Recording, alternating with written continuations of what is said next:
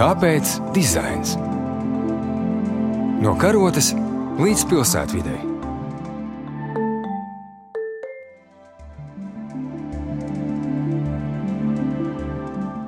Esiet sveicināti, kad ēterā raidījums Kāpēc dizains? Studijā Ilza Dobele. Iespējams, šis ir vēl viens ziemas rīts, kuru meteorologi novērtēs kā siltāko salīdzinājumā ar citiem gadiem novērojumu vēsturē. Mēs piedzīvojam klimata pārmaiņas, kuras esam radījuši arī mēs, cilvēki. Šodien redzējumā par to, kā dizaina risinājumi vai dizaina process ir klātesoši klimata radīto izmaiņu vai jau to radīto problēmu risināšanā kur saskatāmi lielākie izaicinājumi un kur dizaineru prāts un prasmes ir un būtu noderīgi. Kāpēc dizains?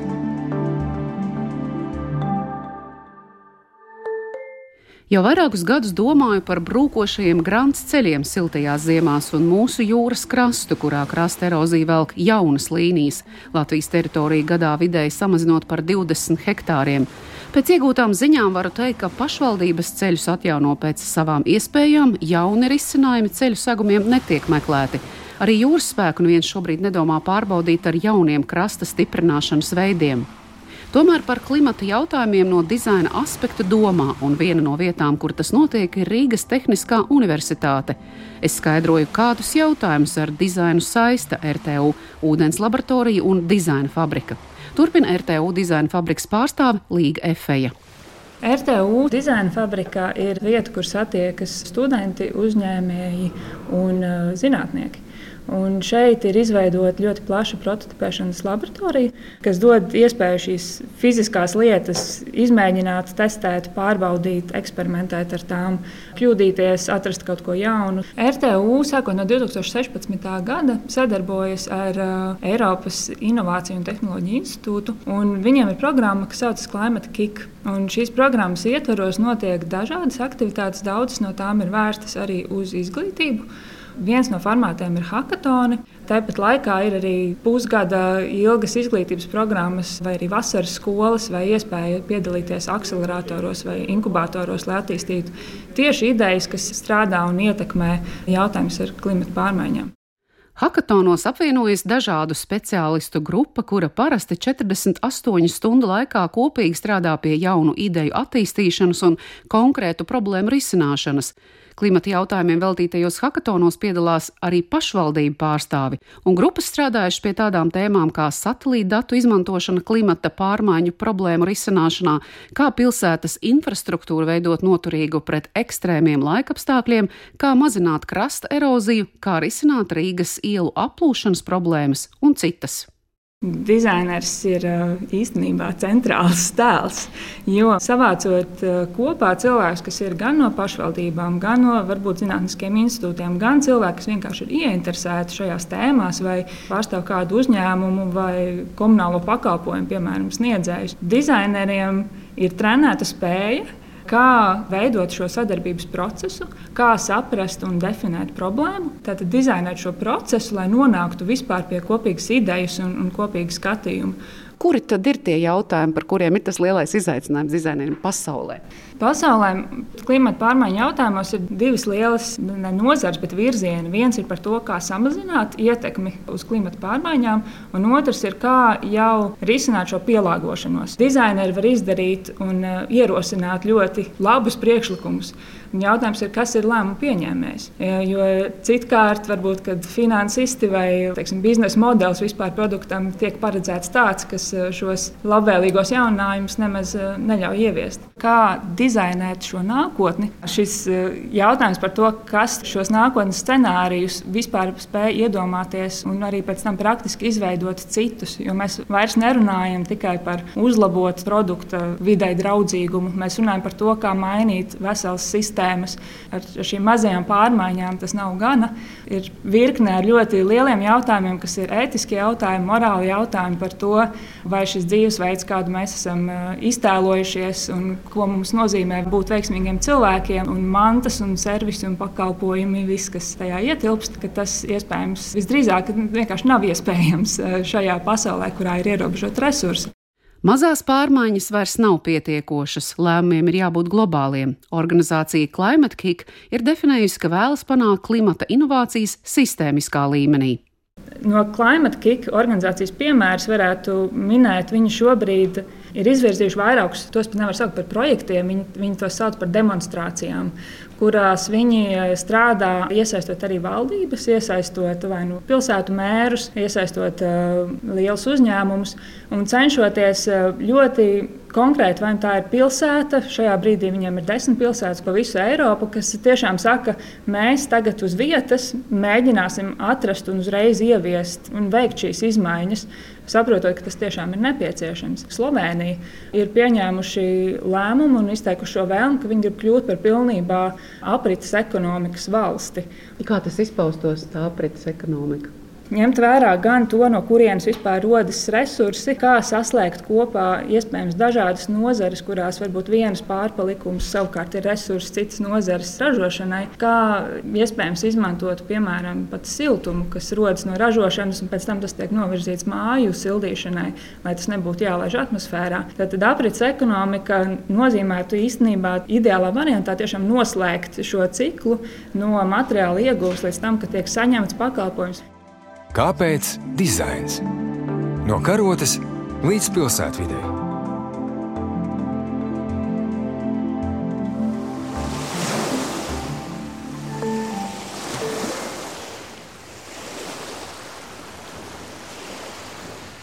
Par ūdeni, arī kā par vēlreiz izmantojumu resursu, domā RTU ūdens laboratorijā. Tā darbojas kopš 2000. gada, un tās vadītājs RTU zinātņu prorektors, akadēmiķis un profesors Tālis Juhņa kopā ar kolēģiem veic zinātnisko darbu pie ūdens inženierijas tehnoloģijām, taiskaitā pie klimata pārmaiņu un piesārņojuma novēršanas. Inženierzinātnes balstās uz dizainu. Inženieru galvenais uzdevums ir radīt jaunas lietas. Dizaina komponente ir estētika, ko mēs parasti asociējam dizainu. Bet tā nav tikai estētika, ir arī drošība, tehniskie risinājumi, kas eh, padara attiecīgo produktu pieejamu tirgumu, tātad uh, ekonomiskais aspekts. Ļoti svarīgi arī veidot dizainu tādu, ka viņš ir vidēji neitrāls vai vidēji draudzīgs. Un tas ir svarīgi komponenti tieši runājot kontekstā ar ūdens tehnoloģijām. Vai jūs tur pats saskarāties ar dizainu tieši ūdens jā, jautājumu? Jā, princips pati pieeja, kā tiek radītas jaunas tehnoloģijas, viņas ir dizainā balstītas. Šie risinājumi, piemēram, ja mēs runājam par notekūdens attīrīšanu, mēs vairāk nevaram tikai balstīties uz to, ka tas ir lēti, ka tas ir droši, bet mums arī jārunā par to, ka tas ir vidē draudzīgi. Eh, ja mēs skatāmies notekūdens attīrīšanas stacijas, galvenais viņu uzdevums ir attīrīt notekūdeni, tad ja agrāk uz viņām skatījās kā vietu, kur mēs tiekam galā ar piesārņojumu, kas nonāk upēs, tad tagad mēs skatāmies uz šīm stacijām kā resursu atgūšanas vietām.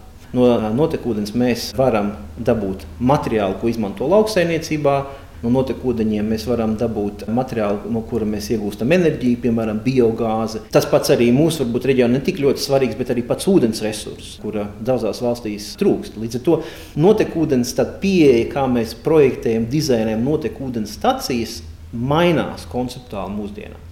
Vai tas ir tas, ar ko jūs arī šajā ūdens laboratorijā strādājat? Jā, nu, tas mūsu viens no uzstādījumiem ir tieši cirkulārā, recirkulārā ekonomika. Tad, kā mēs varam izmantot resursus vairākas reizes. Un tas, protams, notekūdens ir viens, tikpat labi arī mēs runājam par dzeramo ūdeni. Piemēram, izmantojam tehnoloģijas, kuras patērē mazāk enerģiju, lai attīrītu dzeramo ūdeni. Principā tajā koncepcijā, kad mēs atgriežamies pie sarunas par dizainu, ja, tas ir viens no kritērijiem. Ja tu veidot tehnoloģiju, viņai jābūt vidēji pēc iespējas neitrālai. Cik tālu ir šobrīd šo tehnoloģiju izpēta, vai kaut kas no šī cikla jau darbojas? Kā piemēru var minēt, kad eh, mums jau ir prototypa līmenī izstrādāta tehnoloģija notekūdens attīrīšanai ar eh, mikroāļu palīdzību. Tātad eh, klasiski mēs notekūdens attīrīšanai izmantojam baktērijas, kuras pārstrādājot tos notekūdeni esošos atkritumus rada CO2.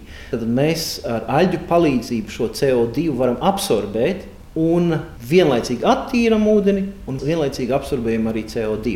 Tad tā rezultātā mēs tiekam vaļā no atkritumiem, gan arī savā ziņā atgūstam to CO2, kas ir dabai nelabvēlīgs. Skaidrs, ka eh, šī mikroaļģu izmantošana ir zināma tehnoloģija. Mūsu tā pievienotā vērtība ir, ka mēs mēģinam trenēt aļģes, lai viņas patērē ātrāk un vairāk. Ja, tad, tad aļģes salīdzinoši ar baktērijām aug diezgan lēni.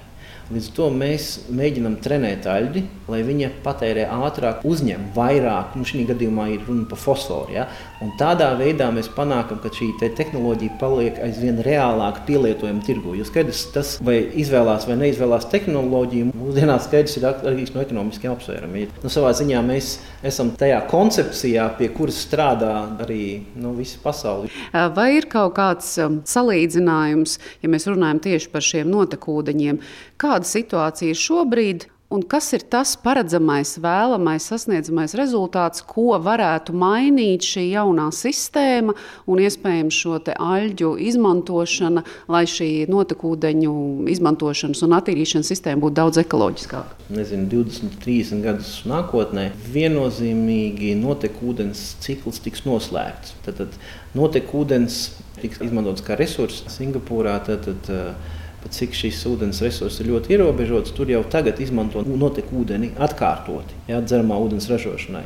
Tās tehnoloģijas ir pagaidām dārgas. Nu, valstīs, kurās ir zemāks ienākums uz iedzīvotāju, nav iespējams. Ja skatās nākotnē, šīs te tehnoloģijas paliks mazākas, kompaktākas. Un aizvien mēs mēģināsim vairāk noslēgt šo cilpu no vietas, kur mēs ņemam ūdeni, izmantojam un atgriežam atpakaļ viņu dabā. Un, ja mēs runājam par Latviju, kur mums šobrīd šķiet, ka mums ūdens resursi netrūkst, bet tāpat laikā, protams, arī mums par to ir jādomā. Vai te jūs arī redzat to kā īstenojumu, vai tas mūsu valstī tuvākajā laikā tomēr būs pārāk dārgi? Primāri mēs skatāmies uz nelielas ražības stacijām, notekūdens stacijām. Jūs zināt, ka ir lielās stacijas, tā kā Rīga, kur Daugaugrīva attīra liels notekūdens daudzums. Tur tas process ieviesīsies lēnāk, bet, kas ir interesanti, maz ražības stacijas, kuras ir pilsētās, piemēram, zem 2000 iedzīvotāju ekvivalentu prasības attiecībā uz uh, fosforu un slāpekli nav tik stingras. Un uh, ar šīm tehnoloģijām var panākt to, ka jūs atgūstat fosforu. Un tādā veidā jūs viņu varat izmantot, piemēram, lauksaimniecībā, varbūt pat nākotnē pārtikā, ja? un radīt ekonomisku efektu. Tā ziņā, kad uh, mudināt ekonomiski cilvēks izmanto šo risinājumu, tāpēc, ka tas būs vienkārši izdevīgāk mazām stacijām, viņiem atmaksāsies ātrāk. Janvārī saņemta ziņa apliecina ūdens laboratorijas veikuma nozīmīgumu globāli. Laboratorijas zinātnieku pētījums par ūdens kvalitātes un piesārņojumu noteikšanu reālā laikā no ūdens profesionāļu International Water Association žurnāla saņēmis balvu kā gada labākā publikācija. Vai jūsu redzes lokā ir kāds neparasts, interesants, pārsteidzošs vai gluži vienkārši, absolūti vienkāršs, ģeniāls risinājums, kur dizains ir bijis klātesošs kādos noteikta klimata radītos eh, jautājumos vai klimata pārmaiņu radīto jautājumu risināšanā. Man prātā nāk viens risinājums, kurš tika Eh, radīts tieši tā saucamā hackathona ietvaros. 48 stundu laikā tiek radīts dažādas idejas. Šis konkrētais um, risinājums tika radīts tieši saistībā, kā izmantot satelīta datus efektīvāk. Pirmais, ko es atceros, bija viens uzņēmums, kas tika radīts šī eh, hackathona ietvaros. Izdomāja tādu risinājumu. Diezgan vienkārši. Jūs braucat caur pilsētu, jūs parasti mēģināt izvēlēties īsāko ceļu.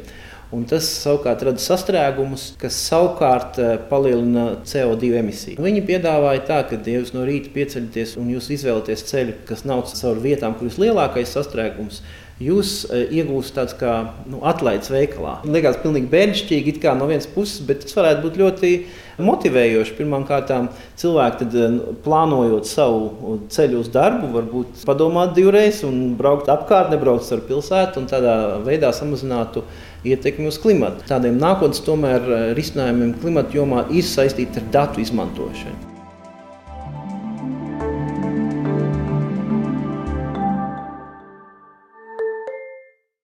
Līga FA norāda, ka ir svarīgi, kuram ir iniciatīva šādus jautājumus skatīt un risināt. Vai jūsuprāt, daudz šīs pārmaiņas, ar kurām mēs vairāk saskaramies, siltākas ziemas, lielāks nokrišņu daudzums, zeme nesasalst, ceļi kļūst jutīgāki uz šīm ilgstošām mitruma pārmaiņām, vai arī šī jūras robeža? Vai jūs uzskatāt, ka tie ir procesi, nu, kuriem, kā atkal citi zinātnieki saka, mēs nevaram pretoties, dabu mēs neuzvarēsim?